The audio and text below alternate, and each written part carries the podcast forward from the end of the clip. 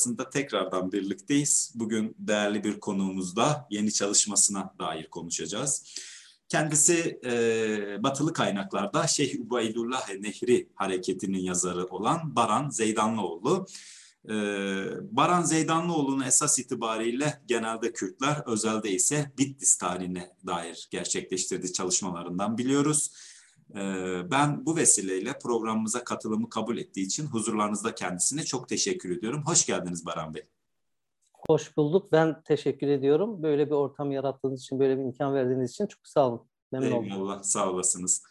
İsterseniz ilk soruyla başlayalım. Ee, acaba bu çalışmanız e, hangi sorulara binaen ya da hangi e, kaynaklar, verileri göz önünde bulundurarak kaleme alınmış bir çalışmadır? Buyurun.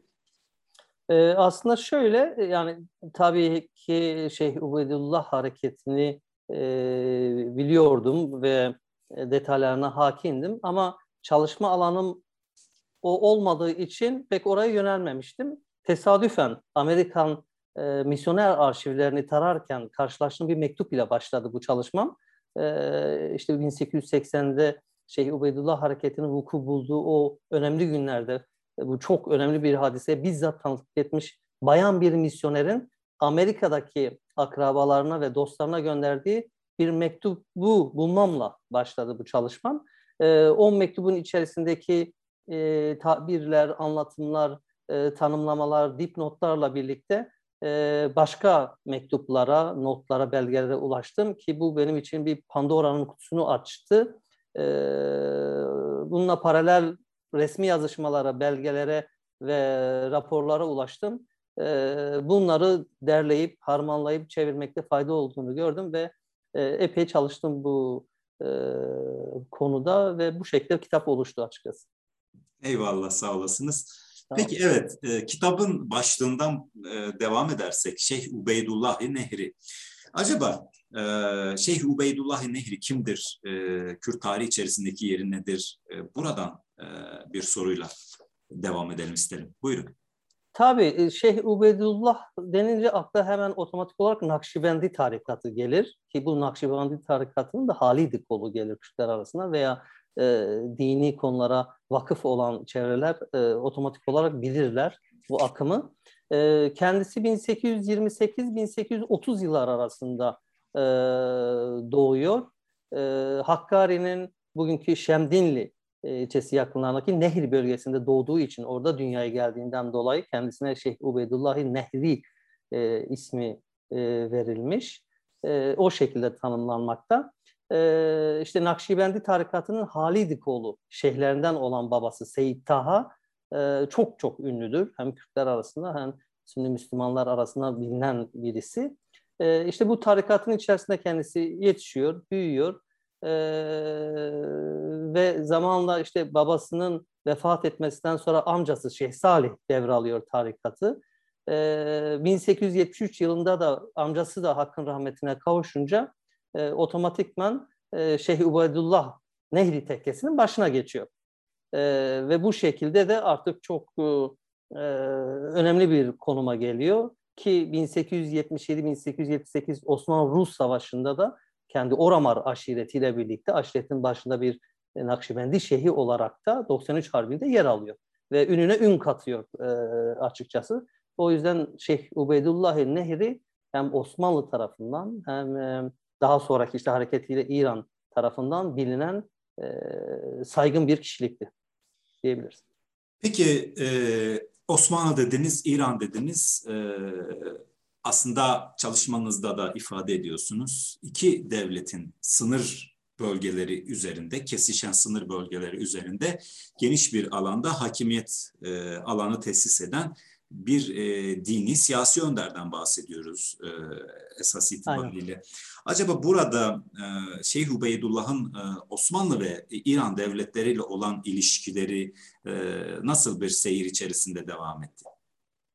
Ee, şöyle şimdi e, Şeyh Ubeydullah hem coğrafik olarak hem de mezhepsel olarak e, Osmanlı'nın hakimiyeti altındaki topraklarda ikamet edip aktif bir şekilde e, yaşamını sürdürmekte.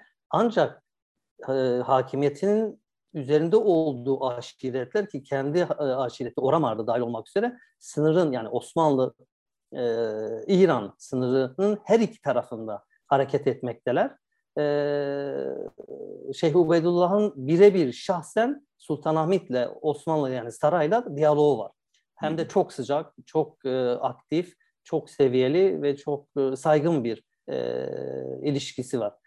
Ama kendisinin İran'la birebir bir ilişkisi yok. Tam tersine İran'la da e, limoni bir durumdalar her zaman. Çünkü İran'ın e, onun kendi aşireti ve nüfuzunun olduğu diğer Kürt aşiretleriyle ilgili İran'ın yaratmış olduğu sıkıntılar e, babasının döneminden de olan sıkıntılar var. İşte vergi toplamadır, askere adam toplamadır, e, hayvanların, sürülerin sınırın her iki tarafında hareket etmesine İran müsaade etmemesidir falan. Hep böyle bir takım çatışmaları, sürtüşmeleri, anlaşmazlıkları söz konusu olmuş. Ama Osmanlı'yla tam tersi çok seviyeli, çok sıcak bir ilişkisi var ki zaten e, 1880'deki hareketten önce de 3 e, sene öncesi 1877'de Osmanlı Harbi'nde şey Osmanlı-Rus Harbi'nde Osmanlı'nın yanında saf alıyor on binlerce adamıyla.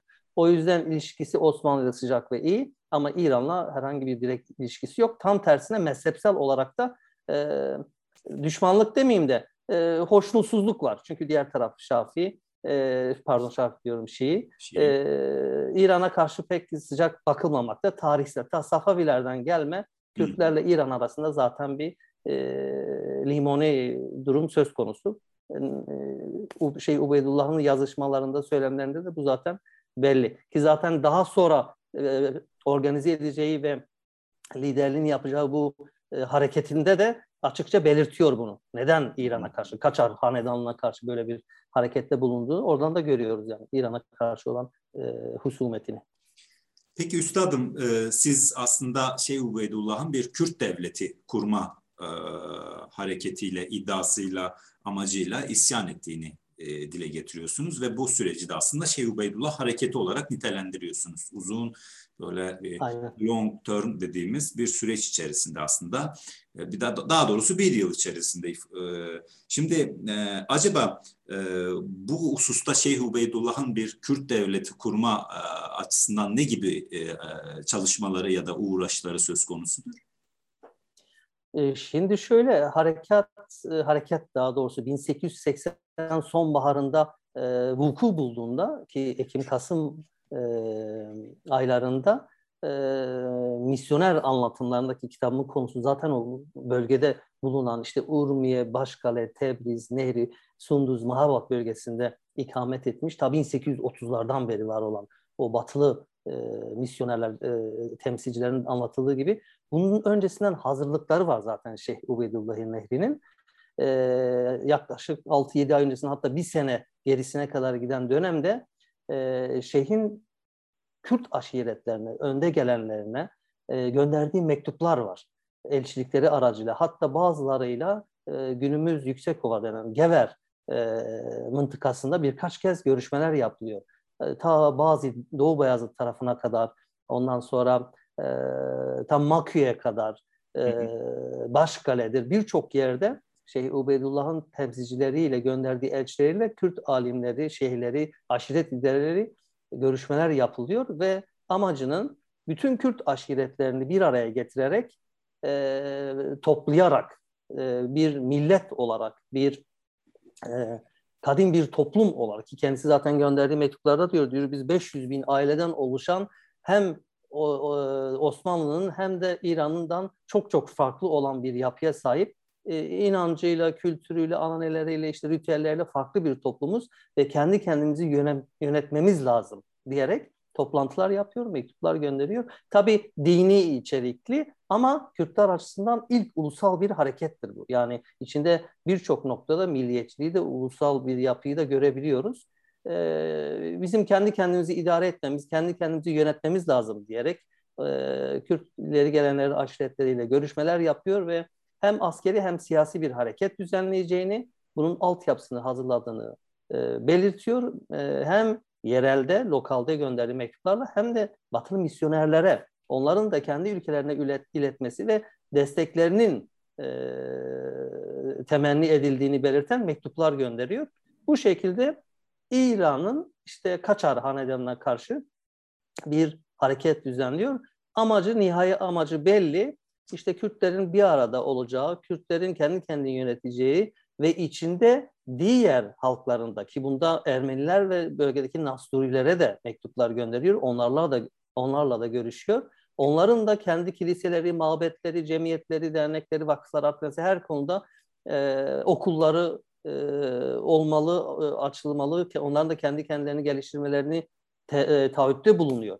Yani bunun sadece kendileri için değil, bütün hepsinin birlikte yaşadıkları diğerlerinin de e, geleceği için çok önemli olduğu, olmazsa olmaz bir e, çözüm olduğunu dile getiriyor ve e, tabii Ermeniler açıkçası destek vermiyorlar, neutral kalıyorlar. Ama Nasuriler kısmen de olsa destek veriyor ki bazı misyonerler bunun e, mecburiyetten kaynaklı olduğunu söylüyorlar. Onun dışında onlarca Kürt aşiretiyle birlikte e, İran'a bir harekette bulunuyor. E, Urmiye merkezli ve Urmiye Gölü'nün evet. güneyindeki şehirleri hedef alarak e, ilk başta işte o taraftaki toprakları ve aşiretleri e, özgürlüğe kavuşturup daha sonra da diğer Kürt aşiretlerini ve topraklarını işte birleştirme amacıyla bir hareket bu. Peki onu soracağım e, çünkü ona dair de bir e, şeyiniz var, bölümünüz var. Buraya gelmeden önce aslında bu hikayeye dair e, Ubeydullah'ın girişimine yönelik önemli arşiv doneleri aslında kitabınızın da temel omurgasını teşkil eden bu misyonerlerin, Batılıların bölgedeki gerçekleştirdiği çalışmalar ya da kendi aralarındaki yazışmalar. Burada önemli evet. bir misyonerden bahsediyorsunuz, Kokorak'tan bahsediyorsunuz. Bunun yeri ve önemine dair bize ne söylemek istersiniz? Tabii şöyle, e, şimdi bu misyoner e, Joe Cochran e, adlı Amerikalı e, İran'da doğma, İran'da büyüme e, ve İran'da da ölüyor daha sonra 1900'lerin başlarında. Kendisi aslında İranlı diyebileceğiz ama etnik olarak, kültürel ve tabii ki e, köken olarak e, Amerikalı misyonerlerin bir oğlu. Sekiz kardeşten birisi bu. E, anne ve babası 1830'larda geliyorlar. İşte Trabzon üzeri, Erzurum üzeri derken gelip e, Tebriz üzeri Urmiye'ye gelip yerleşiyorlar. Oradaki faaliyetleri, oradaki misyonerlerin hepsinin faaliyetleri e, oradaki Ermeni ve Nasturilere yönelik. Yani Kürtlerle pek alakaları yok. Zaten Kürtlerin mezhepsel ve inansal olarak onlarla hiç uyumlu olmadı. Yani Kürtleri ikna edemeyeceklerini biliyorlar. Hiçbir zaman da Kürtler o konuda yanaşmamışlar. Kürtlerden de çekiniyorlar. Çünkü bir Kürtler hem organizeler, hem inançlı dindarlar, hem silahlılar her zaman. Hem de çok cesur bir e, toplum, millet. Kimseye de şey boyun eğmiyorlar. Bunu misyonerler biliyorlar. Onların amaçları oradaki e, Hristiyanlar, Ermeniler ve Nasuriler olmak üzere. Ki Urmiye o civarda e, Yahudiler de var, Ezidi Kürtleri de var da ama onların odaklandığı iki ana unsur Ermeniler ve Nasturiler. Şimdi böyle bir ailede, böyle bir e, cemiyette büyüyor Doktor Kohran. Tabii ister istemez onun fikri, e, e, kanalize olduğu konularda o şekilde. Kendisi e, işte 17-20 yaş arası Amerika'ya gidip eğitimini görüyor. Tıp eğitimi alıp doktor oluyor. O yüzden ismi Doktor Kohran. Tamam. Ve geldikten sonra İran'ın ilk modern hastanesini açıyorlar bunlar. Westminster Hospital diye. Halen dahi günümüzde İran'ın ilk ve en e, organize açılmış hastanesi onların açtığı hastanedir. İşte Urmiye taraflarını toprak alıp yapıyorlar. E, sadece Ermeniler ve Nasurilere e, odaklanıp e, sağlık hizmeti vermiyorlar. Oradaki bütün herkes ki bunun arasında Kürt ileri gelenleri, Kürt e, ırgatlar, işte e, köylüler, e, aşiret mensupları herkes var. Ve tabii ki bunun arasında Şeyh Ubeydullah da var. Bu vesileyle Şeyh Ubeydullah ve Doktor Kohran arasında çok e, seviyeli, çok e, saygıdeğer ve çok sıcak bir ilişki oluşuyor.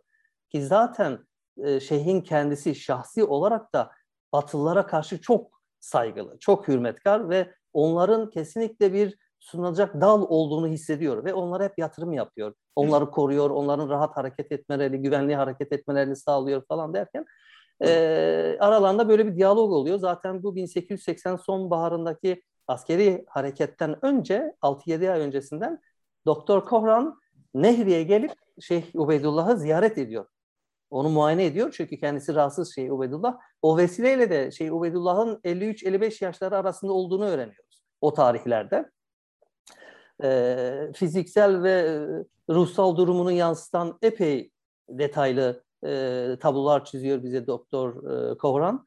E, o konuda arşivler çok kıymetli. E, bu şekilde aralarında bir e, arkadaş, dost, baba oğul ilişkisi de oluşuyor. Çünkü Doktor Kovran çok genç birisi. E, o yüzden çok önemli. Yani Şeyh Ubeydullah'ın şahsında Kürt aşiretleri arasında saygın bir yeri olan, nüfuzu olan birisi bu Doktor Kovran. Ve kendisine zaten hekim sahip diyorlar. Hmm. Yani e, bir işte efendi tanımı, bir sahip e, tanımı. Yani saygın, ondan e, feyz alıyorlar, onu dinliyorlar, ona gerçekten kulak verip onun dediklerini ve tavsiyelerini kıymete alıp değer verdikleri birisi Doktor Kohran. E, zaten hareketi sırasında da şey Ubeydullah da başta Kohran olmak üzere hiçbir e, misyoneri Batılı'ya, e, Hristiyana dokunulmaması gerektiğini defalarca dile getiriyor. O yüzden Doktor Kohran'ın önemi çok çok önemli ki zaten daha sonra hareket başlayınca e, hareketin seyrini değiştiren rolü oynadığını da görüyoruz Doktor Kohran. Peki e, Kohran'dan ziyade e, sizin de ifade ettiğiniz gibi benim de e, misyoner arşivinden gördüğüm yani bu bölgede aslında misyonerler aktif. E, acaba Kohran'ın dışında diğer batılı misyonerlerin buradaki Kürtlere dair bir takım malumatları ya da e, betimlemeleri falan söz konusu mudur? Yani ne tür bilgilerle karşı karşıyayız? Misyonerler Kürtleri nasıl görüyorlar, nasıl değerlendiriyorlar?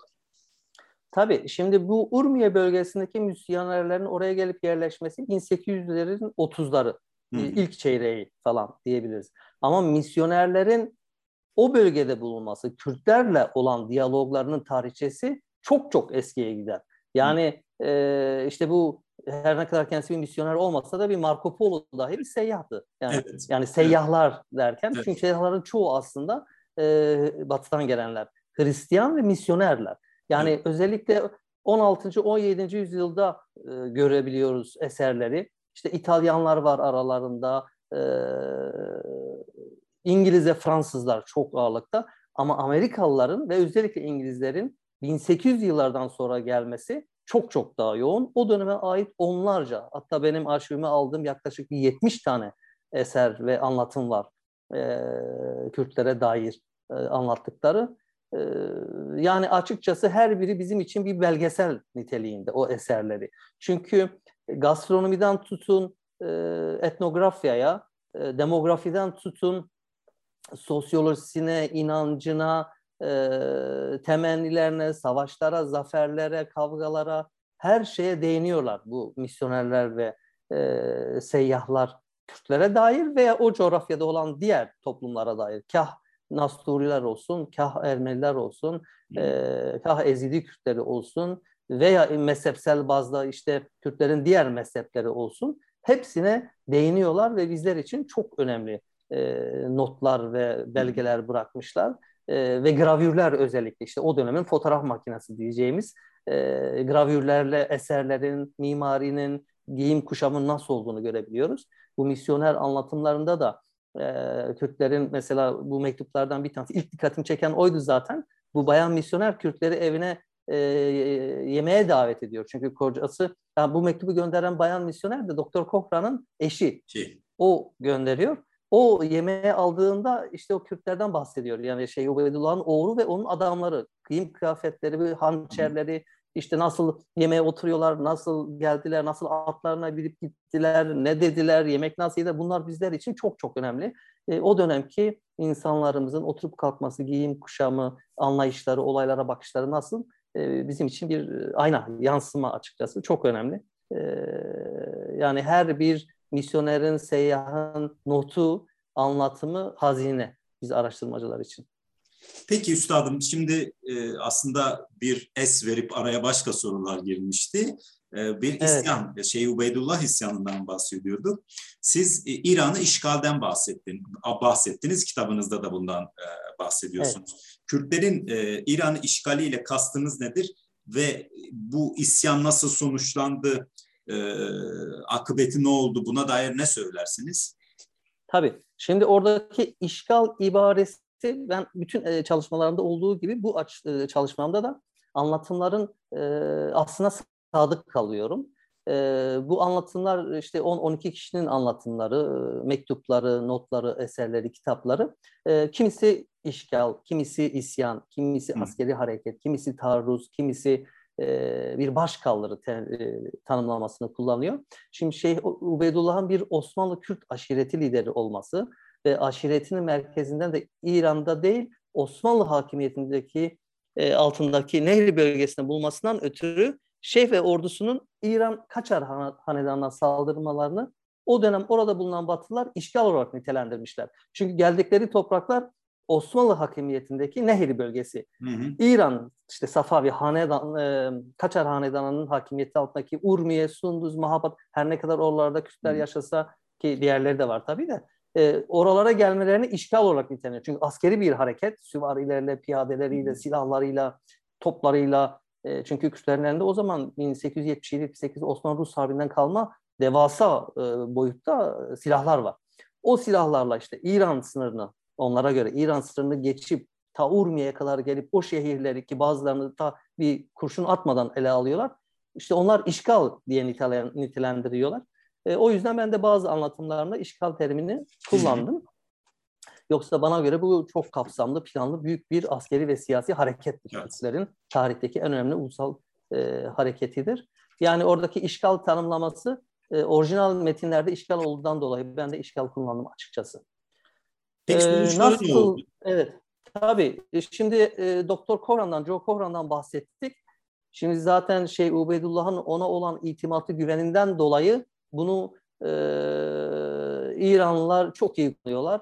Devreye misyonerleri ve misyonerin liderliğindeki işte Doktor Kohran'ı sokuyorlar. Şeyle konuş, e, bu hareketini bir durdursun, konuşalım, anlaşalım diyorlar. E, aslında şeyh ve diğer Kürt e, aşiret liderleri kararlılar, devam edecekler. Hatta ve hatta aslında İran da bunu biliyor. Yani bunu biliyor. Daha, eğer Urmiye'yi de bunu durduramazlarsa Kürtlerin bu gidişatını kesinlikle Tebriz elden gidecek ki zaten Britanya'nın Tebriz başkonsolosu e, Bay Abbott söylüyor. Diyor Tebriz şu anda hazır, boşaltmış askeri garnizonlar buraları şeyhin buralara gelmesi kesin gibi görünüyor diye. O şekilde eminler. Kürtler muazzam bir ilerleme kat ediyorlar askeri olarak.